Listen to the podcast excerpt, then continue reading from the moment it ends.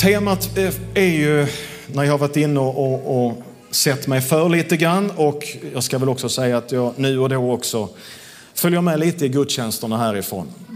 Man vill göra det så man är lite up to date med vad som händer.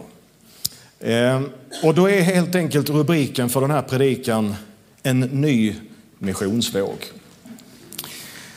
Och jag vill läsa ifrån Lukas det 24 kapitlet tillsammans med dig om du har Bibeln, den här versionen eller har den på iPhone, iPad eller så följer du med på skärmarna här.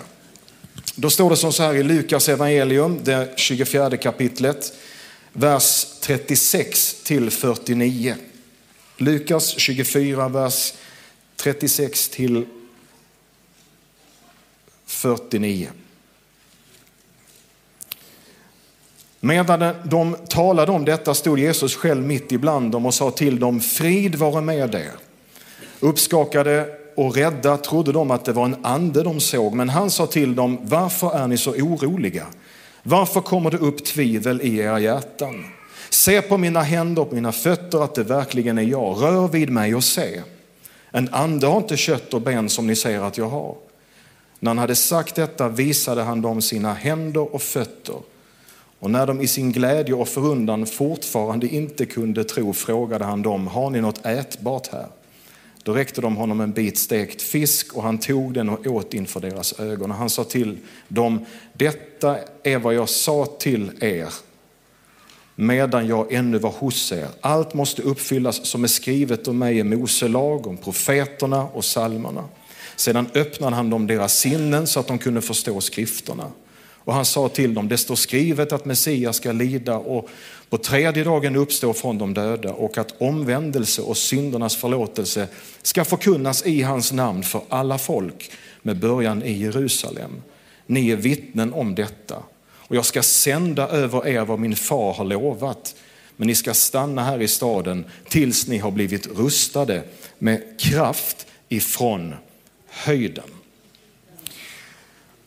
Jag vill påstå att en av de viktigaste frågorna det här året för pastorer, för ledare, för församlingar, om vi bara då zoomar in på vår egen rörelse pingst. En av de absolut viktigaste frågorna, det är inte, nu då, hur många samlar vi? Alltså hur många, och då ska jag säga först och främst, jag är den första som gillar siffror. Nej, jag jobbar inte som föreståndare idag. Jag har 32 år nu i erfarenhet av kyrka, församlingsliv och föreståndarskap. Och när jag var föreståndare, jag räknade varje söndag allt som gick att räkna. Så alla som kom på olika sätt, jag räknade allt därför att siffror ljuger inte. Det ger en bild om någonting. Men jag vill ändå säga att jag tror att det här året så är inte den viktigaste frågan hur många kommer på gudstjänst? Hur många kommer till vår verksamhet? Hur många kommer till våra samlingar? Utan den stora frågan som vi ska ställa oss det här året det är hur många sänder vi? Amen för alla vi samlar. Låt det bli fler i Jesu namn. Låt det bli trippla möten här på en söndag. Mer folk in i Guds hus. Mer folk som ska gå på gudstjänst.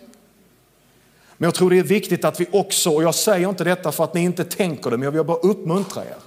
Att det här året ska det sändas människor ut i alla sfärer i vårt samhälle från den här församlingen.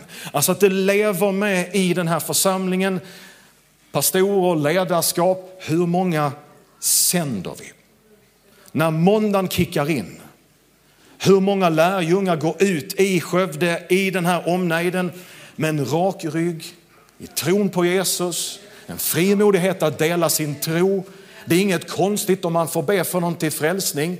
Det är liksom inte oj om ett under sker, utan det är naturligt. Därför att vi är en sändande församling. Vi är en församling som tänker vi sänder människor ut när måndagen kickar in. Om man säger så, då börjar den verkliga gudstjänsten. Och sen samlas vi till kyrkan, vi samlas till smågrupper, lärjungaträning och vi liksom uppmuntrar varandra, vi hör Guds ord och vi ber och vi kommer tillsammans och fastar. Amen. Och sen sänder vi.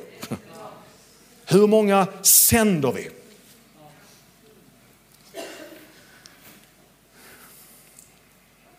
I den här texten, som vi också kan hitta en liknande i, i Johannes evangelium, det är en liten kortare version, men de beskriver samma händelse, så finns det några saker som jag bara vill lyfta den här förmiddagen. Det första är att mission, det börjar inte med liksom en strategi eller att nu ska vi få till någonting. Utan mission ser vi i den här texten, vad är det som gör att en grupp människor ger sitt liv för att någon har sagt till dem gå ut i hela världen och predika evangeliet? Vad är det som gör att människor gör det? Vad är det som gör att människor säger vi har lämnat allt och följt dig? Vad är det som gör att människor blir glada för att man får lida martyrskap? Det låter inte klokt. Hur får du det att hända? Hur får du det att hända att människor säger jag är villig att göra som Anneli.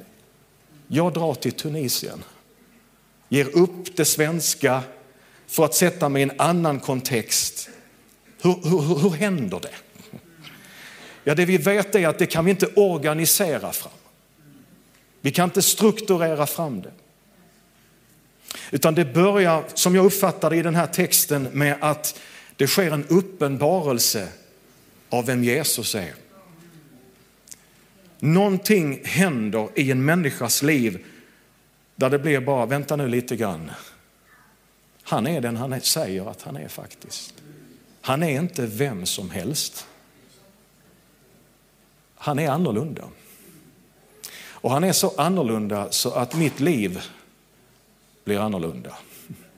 Jag börjar tänka annorlunda, resonera annorlunda, planera annorlunda. Därför att jag har sett någonting och jag har hört någonting som förändrar hela mitt sätt att leva. Inte för att någon ligger liksom med blåslampan bakom och liksom kom igen nu, utan därför att någonting har hänt i mig. Jag har fått en uppenbarelse av vem Jesus är. Mission börjar därför menar jag i den enskilda människans liv. Mission handlar om att börja med att en liten människa upplever någonting, ser någonting, hör någonting, känner någonting som får konsekvenser för hela livet. Alltså något som till den grad förändrar och förvandlar och gör saker så annorlunda. Det är där mission börjar. Jesus kliver in, billigt talat, i rummet som han gör i den här texten. Jesus kliver in i en människas liv och någonting händer, ett möte med Gud som sätter spår för livet. Uppenbarelsen av Jesus. Mission har sitt så att säga embryo i det. Några texter på det. I Johannes det fjärde kapitlet, vers 28 30 så står det om när Jesus han möter kvinnan vid brunnen och då står det som så här att kvinnan lämnade sin vattenkruka, hon gick in i staden och sa till folket, kom så får ni se en man som har sagt mig allt jag har gjort. Han kanske är Messias. Då gick de ut ur staden och kom till honom. Och sen står det längre fram i den texten att folket säger, nu tror vi inte för att du har sagt det, utan nu tror vi därför att vi själva har mött honom. Vad är det som gör att en stad kommer i rörelse så att säga och börjar tro på Jesus? En kvinna som får en uppenbarelse. En människa som möter himlen på jorden.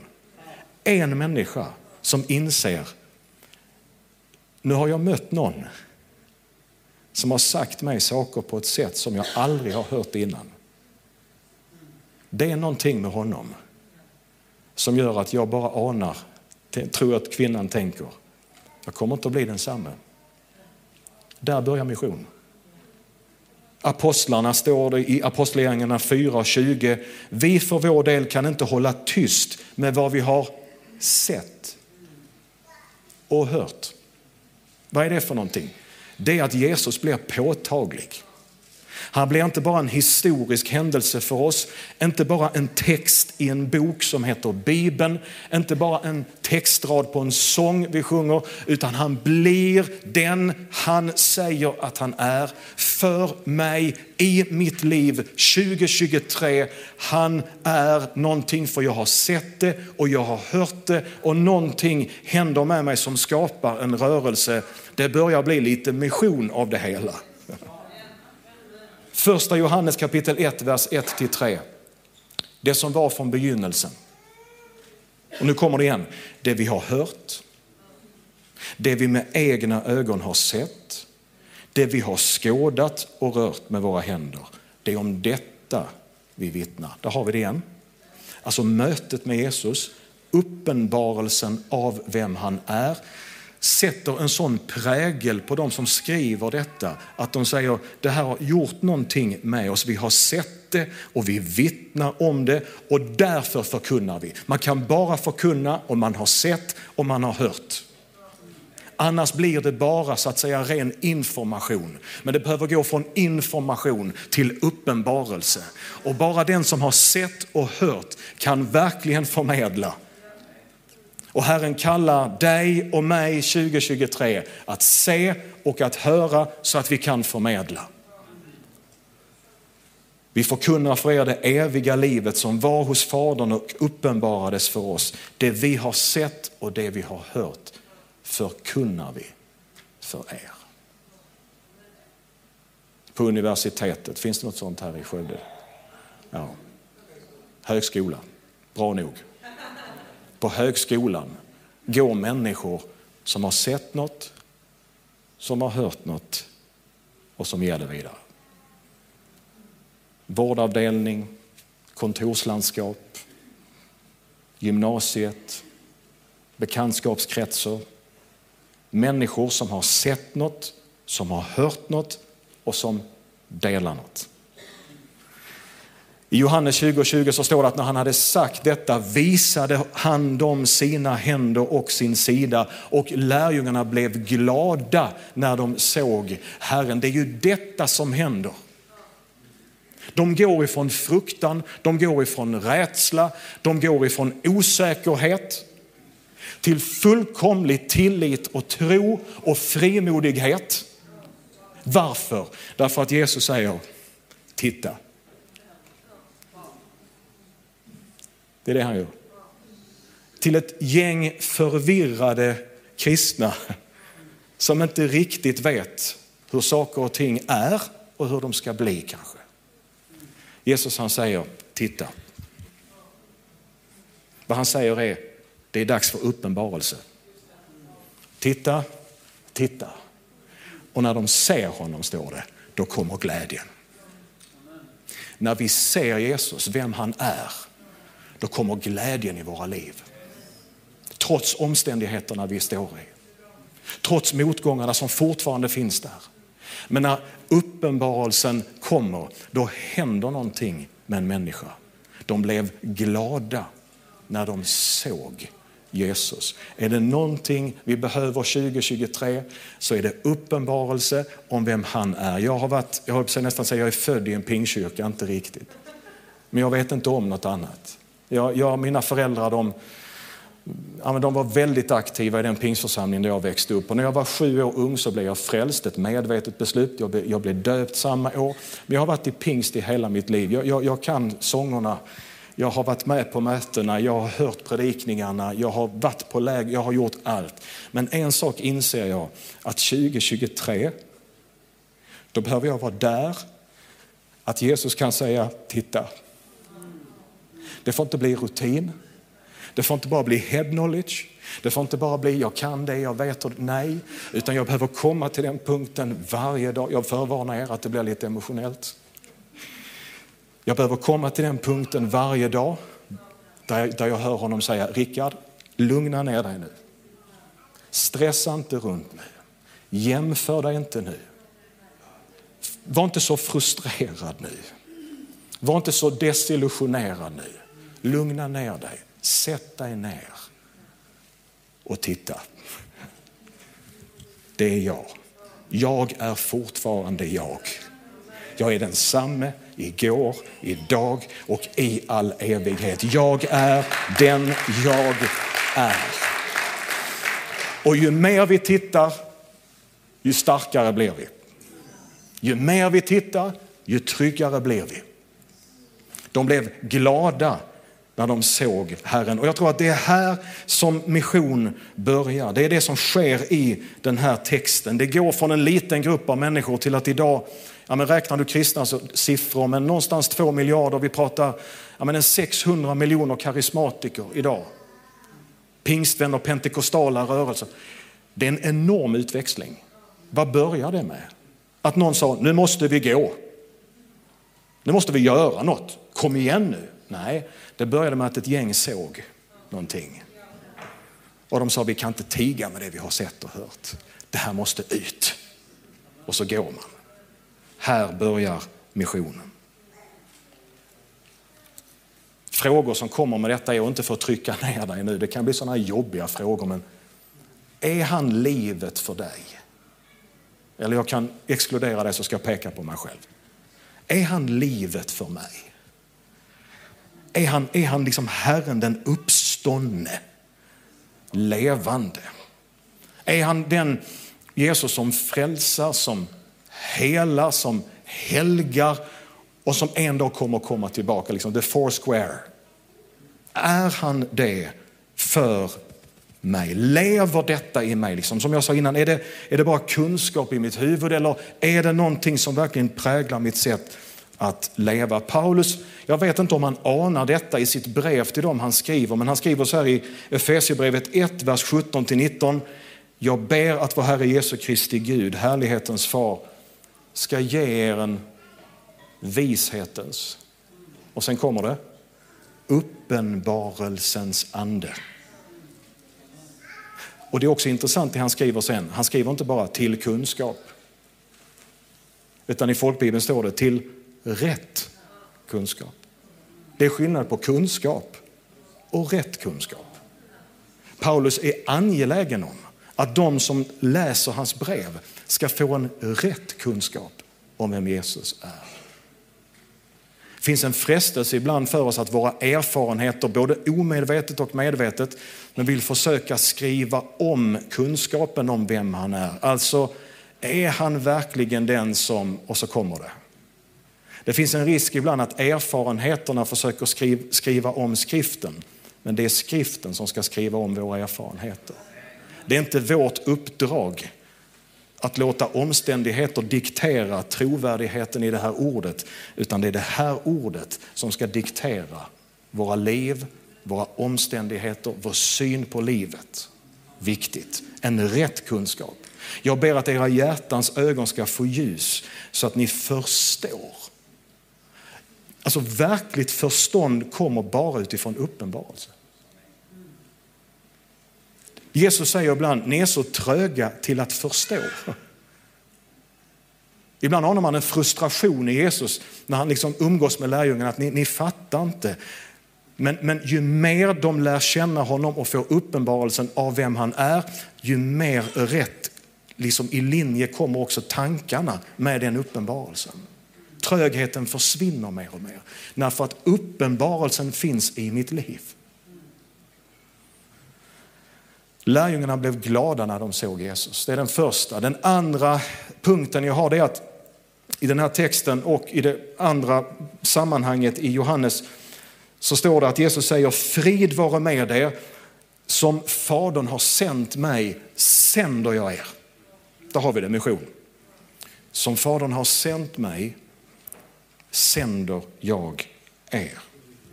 Mission handlar om ett sändande. Och det var därför jag sa i början att frågan ska vara det här året. Och jag vet att den har funnits här innan så jag hoppas du förstår det. Men att det här året, hur många sänder vi?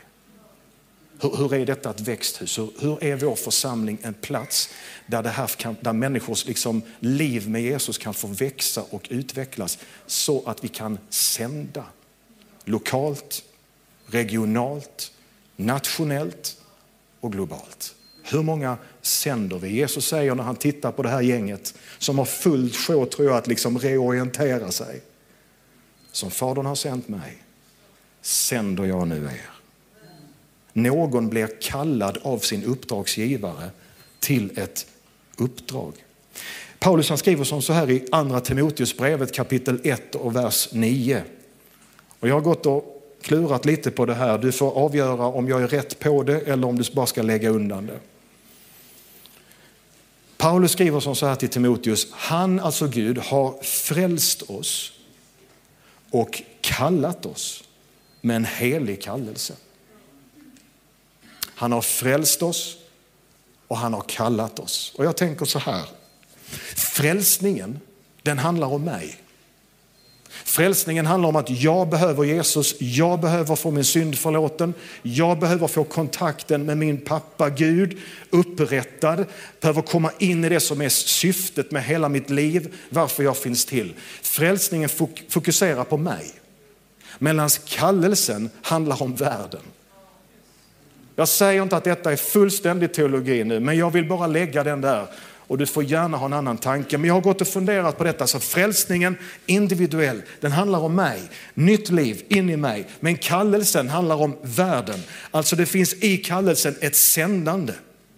Och jag bara tänker att det inte får vara för många av oss som bara lever i den första delen. Oh, jag är frälst. Oh, jag är frälst. Vad underbart det är att vara frälst. Jag är den första att säga det. Och jag tycker vi ska ta tillbaka ordet frälsningsglädje igen. Det kanske är ett tecken på att jag är 52 år och börjar bli lite äldre. Men jag saknar att höra det. Du vet när jag växte upp så hörde jag ofta de äldre, alltså de som var i den åldern jag själv nu är idag. De sa ofta det för, åh frälsningsglädje. Och det smakar så gott det ordet. Jag går liksom själv och säger det, frälsningsglädje. Jag är frälst, utan frälsningsglädje, liksom. det är någonting där. Men det handlar om mig. Men kallelsen, den andra delen av den versen, handlar om att vi är kallade, alltså utsända. Frälsning handlar om mig, kallelse handlar om världen. Jesus, och jag vet inte för jag har inte själv räknat det, men det sägs att 41 gånger i evangelierna så pratar Jesus om att han är sänd av Gud. Johannes 4.34 står det, min mat är att göra hans vilja som har sänt mig. I Lukas 19 och 10 står det, Jesus säger människosonen har kommit för att söka upp och frälsa det som var förlorat. Alltså man anar, jag är sänd av någon för ett uppdrag. Lukas 4, 18-19, han har sänt mig. Att få utropa frihet för de fångna, syn för de blinda, att ge de förtryckta frihet och förkunna att nådens år från Herren. Alltså gång på gång så använder Jesus termen sänd. Och under tre års tid så följer lärjungarna honom. De lyssnar till hans undervisning, de utmanas av honom, de provoceras av Jesus. Och de ser liksom ett liv på tre år som är något annat än vad de hittills har mött. Och sen säger Jesus, samma gärningar som jag gör ska ni göra. På samma sätt som Fadern har sänt mig till den här världen för att visa på vem Gud är och upprätta hans rike på den här jorden. På samma sätt som Fadern har sänt mig sänder jag nu er. Det är tyngd i det där.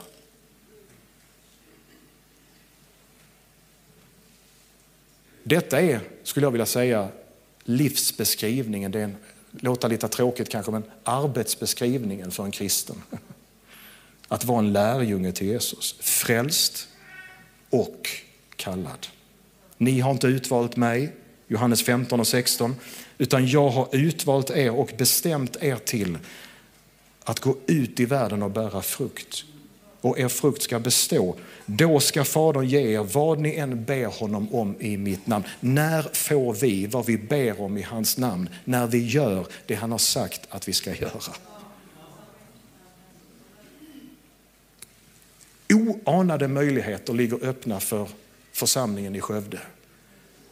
När jag säger vi, när vi gör vad vi är kallade till att göra kommer inte himlen att hålla igen på något område. Utan det är en öppen himmel över Betel. Det finns provision. Allt låter bättre på engelska. Gud kommer förse er. Allt det ni behöver för att göra det uppdraget han har kallat er till. För den här söndagen så är Jesus här. Glöm bort mig nu. Jesus är här. Han tittar på er varenda en. Och så säger han, som Fadern har sänt mig sänder jag nu dig. Det är ett nytt år, nya möjligheter. Du är den du är. Du har den personligheten du har. Du har det temperamentet du har. Du har de plussen i ditt liv, du har också med de minusen i ditt liv. Som Fadern har sänt mig sänder jag nu dig. Gå ut i världen, bär frukt. Jag är med dig och allt det du ber om ska du få.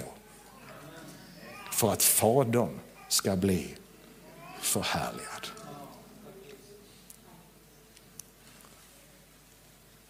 För sådan han är i den här världen, skriver Johannes i första Johannes 4.17. Sådan som han är i den här världen, sådana är också vi i den här världen. Det där är ett, ett, ett, ett starkt påstående. Sådan han är, sådana är vi i den här världen.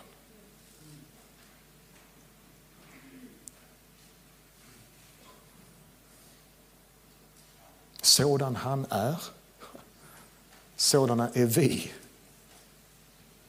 i den här världen. Och så kan vi höra bibelorden, han var full av nåd och sanning. Sådan han är, sådana är vi. Han gick omkring, gjorde gott, hjälpte alla. Sådan han är, sådana är vi i den här världen. Han talade till sjukdomen och den gav vika. Det spelar ingen roll hur många demoner den där mannen hade i sig som ingen kunde bemästra. Som plågade sig själv, som man försökte binda med kedjor. Men när Jesus kom och uttalade ett maktord, då fick legio, mörkrets furste, lämna. Därför att det var något annat med orden från Jesus. Det var inte bara, utan när han talade hände det någonting. Sådan han är, sådana är vi i den här världen. Mission handlar om att sändas ut i världen. Med en insikt om att han har kallat oss. Att i hans ställe göra det han gjorde. Och Det finns ett ord där som jag slog upp i morse för jag ville bara vara säker på, men det är ordet bemyndiga. När Jesus sänder ut sina lärjungar så bemyndigar han dem att göra det de ska göra i utsändandet. För det här går inte i egen kraft och det vet Jesus.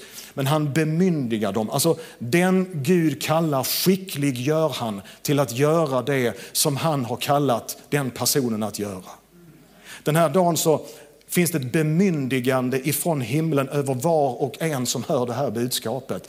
Inte genom egen människas styrka eller kraft, men genom min ande säger Herren, jag bemyndigar dig, säger Gud, att gå ut och göra det jag gjorde. För sådan jag var och är, sådan är du i den här världen. Var du än går fram, då är mitt rike där.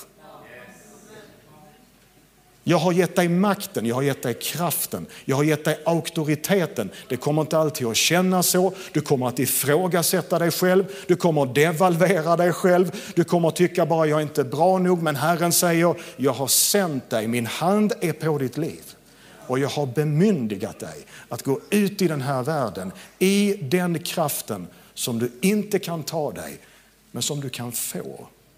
Bland annat genom att du sätter dig ner och tittar en stund på vem jag är.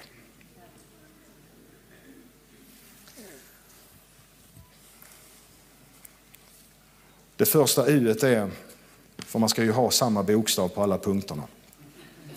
Det är uppenbarelsen om Jesus. Jag, är, jag tillhör någon av dem som jag, jag bara liksom fastnar i min förberedelse. Om inte det är samma bokstav, då tar det lång tid för mig att förbereda mig. Men jag lyckades bra den här söndagen. Det första är liksom uppenbarelsen av Jesus. Va? Det andra är uppmaningen av Jesus. Och det tredje är utrustningen från Jesus. Alltså missionens mindset. Missionens mindset det är att Guds rike ska erövra den här världen. Vi väntar inte på att komma till himlen, vilket jag i och för sig på ett sätt ser väldigt mycket fram emot. Jag längtar efter att komma hem, för det här är inte mitt hem. Jag längtar efter att komma hem. Jag vet inte hur det är med dig, men Helene och jag, vid en av våra semestrar så kom vi på oss själva. Vi, du vet hur det är ibland, man, man pratar upp semestern. Va? Du går i flera veckor så pratar du upp semestern. Och sen sitter vi där på stranden och så har vi tre dagar kvar på den där semestern som vi har pratat upp hur länge som helst. Och så ungefär bara tittar vi på varandra och så säger vi, nej nu kan vi åka hem. Alltså det är någonting i det där att komma hem, det är någonting med hemmet. Och himlen är mitt hem, det är vårt hem. Men missionen har ett mindset och det är inte liksom att vi väntar på att komma till himlen utan missionens mindset det är att vi ber, vi ropar, vi arbetar, vi kämpar, vi står i för att himlen ska komma hit. Himlen, ja vi ska dit, men himlen ska in i oss och himlen ska utbredas. Utrustningen ifrån Jesus, den sista punkten. Sedan han sagt detta andades han på dem och sa, ta emot helig ande. Och jag ska sända er vad min fader har lovat, men ni ska stanna i staden tills ni har blivit rustade med kraft ifrån höjden. Det finns en gammal klassisk bok skriven av Ian Bounds. Amerikansk författare, advokat. Han har skrivit en bok om bön. På engelska står det The Holy Ghost does not flow through methods but through men. The Holy Ghost doesn't come on machinery but on men. He doesn't not anoint plans but men. Men of prayer. Alltså översatt, den helige ande faller inte i första hand över metoder utan på människor. Han kommer inte över ett maskineri, skriver Ian Bounds, men han kommer över människor. Elia var en människa som vi. Han kommer över människor. Han smörjer inte planer, men han smörjer, alltså ger sin kraft till människor, skriver Ian Bounds. Jesus andas på lärjungarna och säger ta emot helig ande.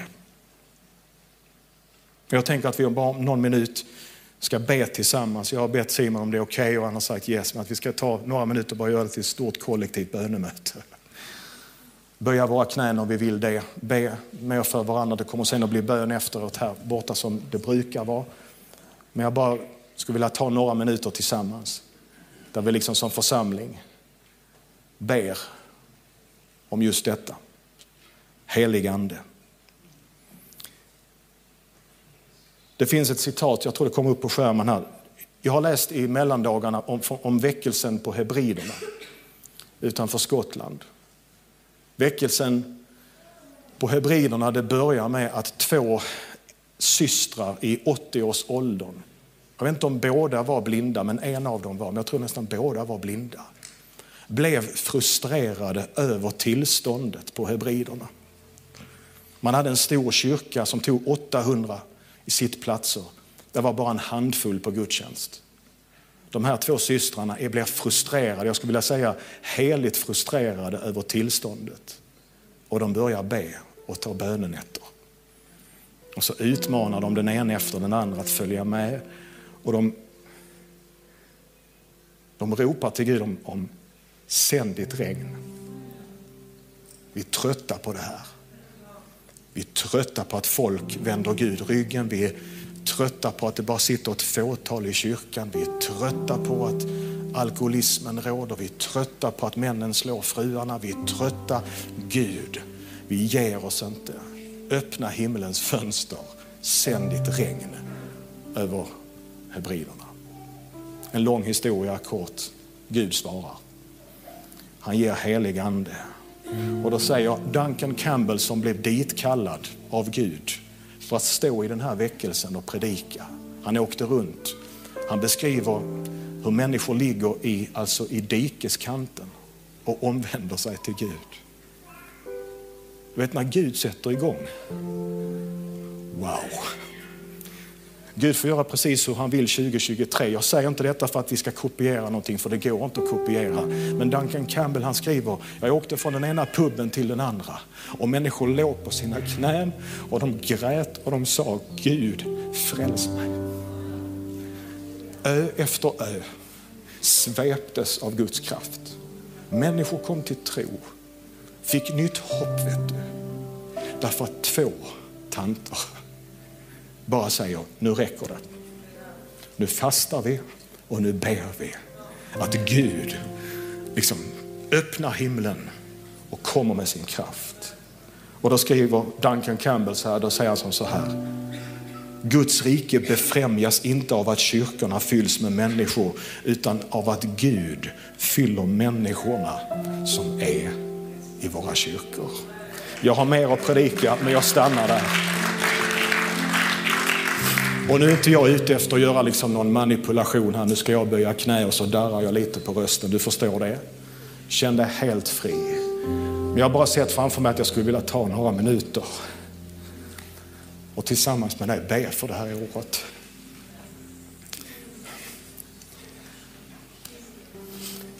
Att den heliga Ande bara får ha sin väg med oss. Att den helige Ande får ha sin väg med församlingen. Ingen grupppress nu. Känner du att du vill sitta kvar så gör du det. Behöver inte böja knä och känna press att nu måste vi göra det.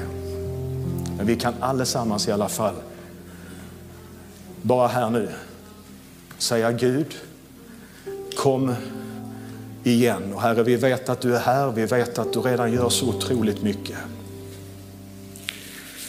Herre, vi tackar dig för 2022. Herre, jag tackar dig för varenda en som på något sätt fick möta dig Jesus. Och, ja.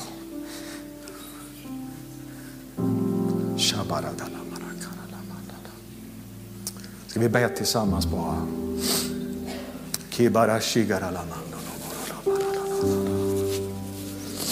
Att djup får ropa till djup. Vårt hjärta till ditt hjärta, Gud.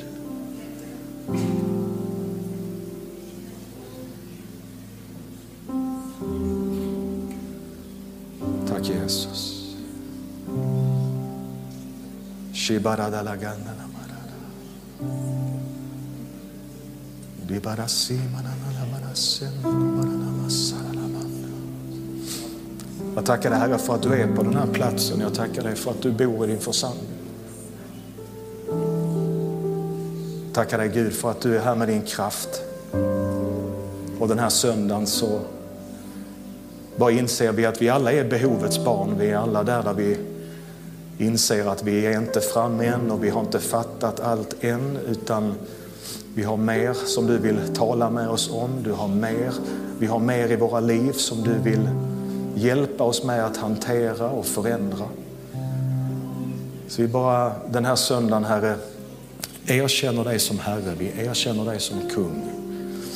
Tackar dig heligande för din smörjelse och ditt liv över den här fina församlingen. Tackar dig för allt det du har gjort. Att vi får vara på den här platsen idag och samtidigt sätta sikte framåt nu. En ny missionsvåg. Halleluja. Tackar dig Jesus, tackar dig heligande.